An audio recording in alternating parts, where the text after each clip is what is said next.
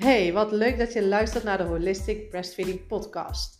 Ik ben Carla en als holistisch borstvoedingscoach is het mijn missie om vrouwen te helpen naar meer rust en vertrouwen in borstvoeding. Wanneer jij je namelijk vol zelfvertrouwen en krachtig voelt, kan jij keuzes maken vanuit jouw diepe innerlijk weten, vanuit de verbinding met jezelf en je kindje. Jij weet namelijk precies wat jij wanneer en op welke manier moet doen. Ik hoop dat deze podcast jou gaat helpen om dicht bij jezelf te blijven, om jouw eigen pad te mogen volgen vanuit de verbinding met je kindje en een sterke borstvoedingsrelatie op te bouwen. Veel luisterplezier! Hey, wat leuk dat je weer luistert naar een nieuwe aflevering.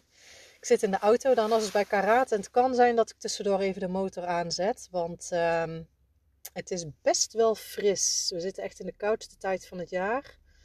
Um, min 2 s'nachts. En uh, nou ja, de wind gaat draaien de komende dagen. Dus dan voelt het overdag ook echt wel heel koud. dus kan zijn dat ik hem even aanzet, de motor voor de verwarming. Maar uh, ja, ik was van plan om een ander soort podcast op te nemen. Maar ja, dit is iets dat heeft nu mij de hele week bijna bezig gehouden. En uh, daar wil ik toch eventjes uh, ja, nog, nog meer op een andere manier ook over delen. En de ene luistert mijn podcast en de andere zit heel veel op Instagram. En weer een ander die kijkt uh, mijn YouTube kanaal. Want ik heb op YouTube een, uh, een, een, een, video daarin geüpload van de week. Uh, ik had me voorgenomen om dit jaar meer uit te gaan spreken over wat ik denk en vind. En ehm, over hoe het allemaal functioneert rondom nieuwe moeders in onze maatschappij. En ehm, er zijn best wel wat uh, mooie reacties opgekomen. Reacties waardoor ik ook aan het denken ben gezet. En, uh, um, maar over het algemeen wel heel, heel, heel veel herkenbaarheid. En dat gaat over het feit in hoeverre kraamzorg bijdraagt aan een positieve ervaring van je borstvoedingstijd en start vooral. En het kan echt je borstvoedingstijd maken of breken. En Nederland is een van de weinige landen, waar, volgens mij het enige land waar kraamzorg is en standaard wordt aangeboden. En een paar maanden geleden ging volgens mij het verhaal hè, dat, dat dat afgeschaft zou worden.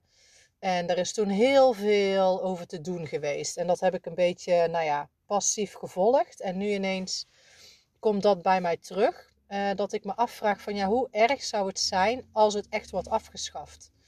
Want wat zit eronder dat we dat zo erg zouden vinden? Uh, zit eigenlijk denk ik een hele hoop angst en onzekerheid onder dat wij als moeders denk ik bang zijn dat we het niet alleen zouden kunnen. Tegelijkertijd is er ook zo zijn er echt, en dat is ook wel weer bewezen de afgelopen dagen met alle berichtjes die ik heb gehad, zoveel negatieve ervaring met kraamzorg. Kraamhulp noem ik het soms, dan weer kraamzorg. Schijnbaar zit daar toch een nuanceverschil in. Uh, zeker hoe de kraamverzorgsters het opnemen. Maar goed, voor mij uh, is het in ieder geval de begeleiding na je, na je bevalling en de opstart van je moederschap en borstvoeding. En dus ik zal ze misschien door elkaar gebruiken. Voel je alsjeblieft niet, uh, don't feel offended by it. Maar hè, dit is in ieder geval wat ik erbij definieer. Ehm want wat er gewoon heel vaak gebeurt, is dat je je inschrijft bij een kraamzorgbureau. Je weet van tevoren niet precies wie er komt. Je hebt je wensen aangegeven. En dan staat er iemand op de stoep. En met een beetje geluk is dat iemand die heel erg bezig is met hoe het met jou gaat. Die jou heel erg in je kracht zet. Die jou vooral jouw weg wil laten gaan. En daar niet al te veel ja, meningen, eh, zijn eigen meningen, eh, protocollen, uh, angsten van, oh jee, wat als een baby niet genoeg voeding krijgt, die zich daar niet zozeer door laat leiden en vooral de moeder in haar kracht wil zetten. En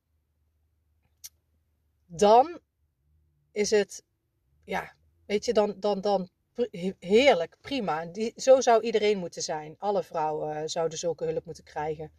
Alleen in echt heel veel gevallen en in de meeste gevallen is het gewoon niet zo. Zijn er gewoon echt vrouwen, en echt die verhalen heb ik zelfs net nog in een DM gehoord, dat zelfs in een week tijd twee verschillende kraamzorg is geweest. Waarbij de ene enorm die moeder in het vertrouwen zette en de ander meteen zei: Ja, nee, maar hè, je hebt geen melk en je kolft niet. Of hè, laten we gaan kolven. Je kolft niet genoeg, je melk is niet vet genoeg. Maar daar word je zo enorm onzeker van. Moet je nagaan als jij als moeder dit nog nooit eerder hebt gedaan. Geen idee eigenlijk hebt wat je moet doen en heel erg hoopt. Hè, of eigenlijk, ja, je, de enige jouw redding eigenlijk is, is die kraamverzorgster. En als dat dan iemand is die zo, uh, ja, eigenlijk niet pro-borstvoeding is en um, jou één keer ziet struggelen en daar meteen in meegaat en, en ja, eigenlijk jouw onzekerheid gaat voeden in plaats van eens gaat kijken van hey, hoe kunnen we dat omdraaien en kunnen we jou meer in je kracht zetten, dan ja, is het al bijna gedoemd te mislukken. Dan moet je daarna wel heel erg sterk ergens vandaan jouw vertrouwen halen om alsnog door te gaan of om het alsnog weer op te pakken. Op het moment dat zo'n kraamverzorgster weg is. Of moet je net andere juiste mensen in je omgeving hebben die jou daarin uh, wel kunnen bekrachtigen. En sowieso, hè, je, je, je, weet niet hoe je je baby in bad moet doen. Je weet niet hoe je je babytje aan moet kleden. Hoe je het überhaupt vast moet houden. Dat is wat wij denken. En dan denken we, fijn, er komt iemand ons helpen om ons te laten zien hoe wij met een baby om moeten gaan. En dan komt mijn holistische en mijn passie naar boven. En dan denk ik, is dat niet bij ons al aangeboren op het moment dat we moeder worden? En is, gaan wij niet gewoon geloven gaandeweg dat wij het niet kunnen? Want stel nou dat jij in de middle of nowhere zou bevallen en er zou helemaal niks en niemand zijn. Wat zou er dan gebeuren? Dan zou je instinctief weten hoe je je baby op moet pakken. Dan zie je een baby, misschien begin je bij het ruggetje, maar dan zie je dat hoofdje en dan denk je, oh, ik moet mijn hand verplaatsen. Uh, je legt je baby op jou vanuit automatisme. Of jouw baby gaat zelfs vanzelf naar jou toe kruipen en klimmen. Die gaat zelf de borst zoeken. Wij hoeven daar eigenlijk heel weinig voor te doen als alleen maar onze baby in te begeleiden. Maar wij denken dat wij een hulpeloos wezentje hebben, die wij, ja, waar wij alles voor moeten doen. Maar die instincten bij zo'n baby zijn zo sterk. Die het ook, baby verdient het ook heel erg om die instincten en die, die programma's af te laten draaien. In plaats van dat wij alles voor hem gaan doen en hem al in de perfecte positie gaan leggen. Maar dit is even de eerste seconde, waar, of hè, de eerste minuten na de bevalling waar ik het over heb. Maar in het algemeen ook. Zou jij niet als moeder, wanneer je het juist helemaal zelf zou moeten doen, niet veel sneller, veel meer vertrouwen en zelfvertrouwen krijgen door het maar op dat moment aan te gaan. Door maar je baby, nou ja, te oefenen met aankleden. Oh, dit werkt niet. Oh, dit voelt niet fijn. Oh, misschien vind ik zo'n rompertje fijner. In plaats van iemand die tegen jou zegt: Doe maar zo'n rompertje, want dan hoeft het niet over het hoofdje of noem maar op. Ja, dan ga je van iemand anders advies uit. Maar daarmee iedere keer denk jij misschien van: Hé, hey, dat is fijn dat iemand het mij vertelt. Maar hoeveel krachtiger voel jij je van binnenuit op het moment dat jij. Ehm, dat zelf mag ontdekken. Want dan leer jij je kindje echt kennen. Dan, ja, dan voel je je, naar mijn idee, veel meer ja, in je kracht en, en in die moederkracht, in die oerkracht. Want dat zit echt wel in jou. Vanaf het moment überhaupt voordat je baby geboren is, maar dan nog, dan gaat er een knop om. Dan gaat er hormonaal zoveel gebeuren. Dan sta jij zo open en zo aan. Dan weet je instinctief wat je moet doen. Alleen door alle jaren heen en door alle verhalen zijn wij dat kwijtgeraakt, dat geloof in onszelf. En daarom ben ik ook echt zo'n ja, hyper, hyper eigenlijk over mijn uh, programma voor, voor zwangere moeders die willen borstvoeding gaan geven. Want daar gaat mijn hele cursus over. Over dat stukje. Van wat kan jij doen? Hè, hoe ben jij nu? En hoe kan jij dingen anders gaan aankijken en anders gaan voelen in jezelf? Dat jij die kracht kan gaan ervaren. Dat, jij, dat je dat voelt dat jij dat kan, dat dat allemaal al in jou zit. En ja, helaas komt het gewoon echt te vaak voor ook dat, hè, dat we dan voor vier of voor acht uur een kraamverzorgster in huis hebben en we daarna, uh, ja, ga niet weg, wat moet ik zonder jou, wat moet ik als je weg bent? En zeker als ze dan na een paar dagen niet meer komen, en dan moet je ineens het alsnog helemaal zelf gaan doen. En ik weet niet hoe jullie dat ervaren. Ik had mijn moeder gevraagd om te komen. Uh, vanuit Nederland, hier naar Griekenland. Omdat ik dacht, ja, maar zonder kraamzorg hier in Griekenland, en dat kan toch niet? En uh, nou ja, dat is uiteindelijk geëscaleerd. En uh, dat hoor je in, in, het bevallingsverhaal van Daan Hals in een paar podcasts geleden.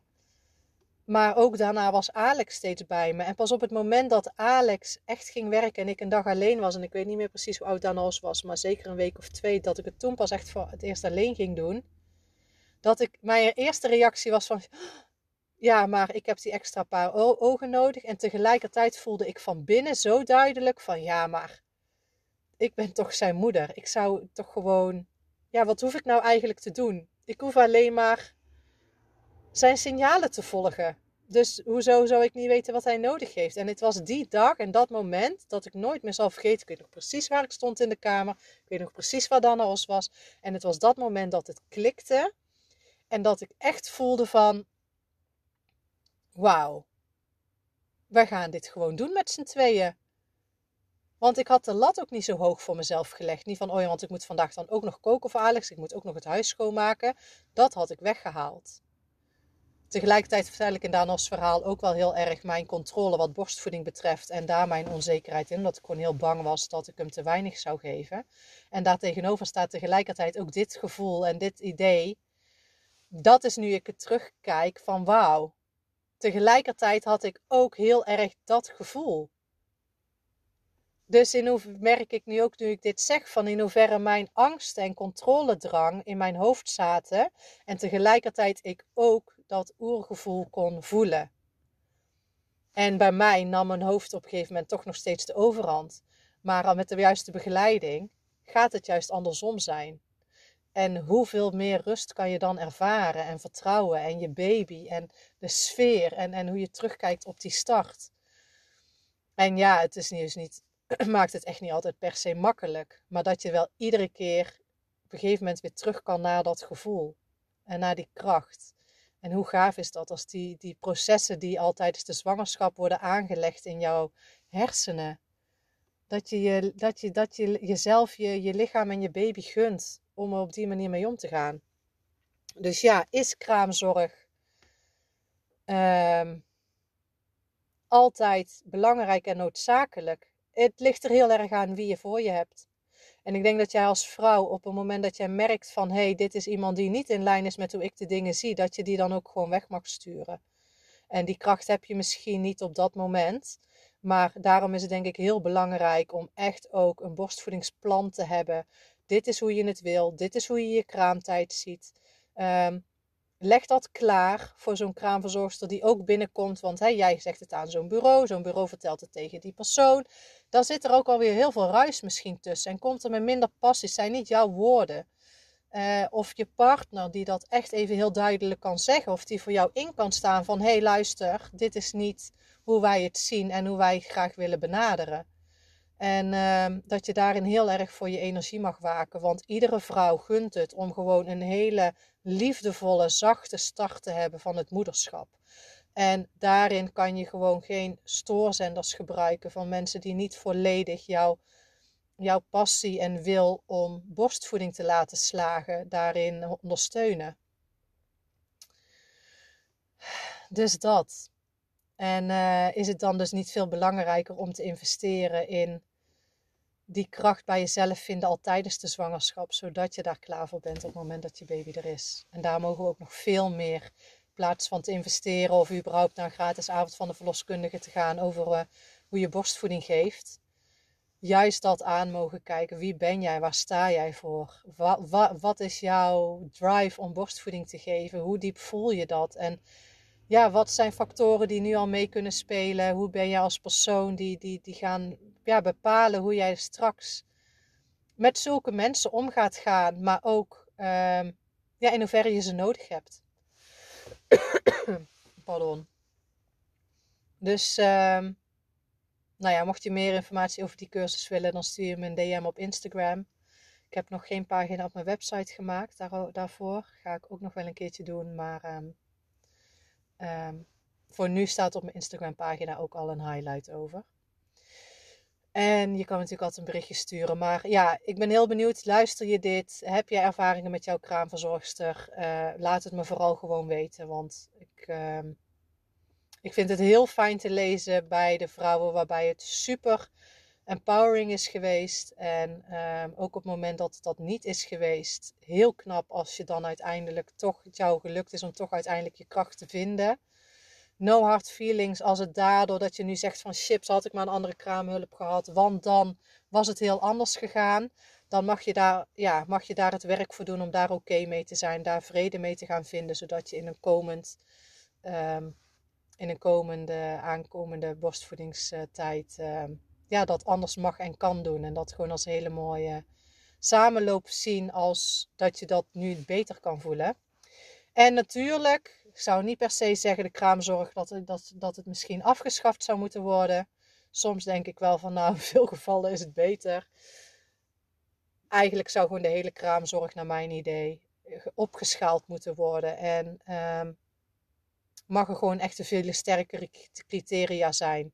En dat er al veel meer geshift mag worden van hey, wil een vrouw borstvoeding geven? Uh, hoe denkt ze over kunstvoeding? Dat dat meegenomen mag worden. Is het een vrouw die zegt van nou ik ga het proberen, het maakt me niet zoveel uit. Kunstvoeding is ook goed. Nou, dat je daar dan een bepaalde kraamzorg heen stuurt. En bij de vrouw die echt zoiets heeft van no matter what, ik wil gewoon dat het mij gaat lukken. Dat je daar dan die andere kraamverzorgsters heen stuurt. dat er überhaupt veel meer gewerkt mag worden aan, uh, aan de moderne vrouw. Want de moderne moeder wil meer in haar eigen kracht staan. En misschien is het systeem ook meer verouderd. Uh, en waarom niet particulier? Net als dat jij uh, je lactatiekundige je daarvoor kan bijverzekeren en dat je dat kan declareren bij je zorgverzekering. Waarom zou dat niet kunnen met kraamzorg? Dat je dat zelf kan kiezen uh, iemand kiest die jou helemaal aanspreekt, die zelfstandig werkt. Uh, en die, uh, ja, waar je dan zelfs bereid bent om een beetje extra voor te betalen. En dat de zorgverzekering daar tegemoet komt. Ik denk dat dat nog steeds de allermooiste oplossing zou zijn. Nou, dankjewel voor het luisteren. Ik ga hem uploaden en uh, ik wens je een hele fijne rest van de dag.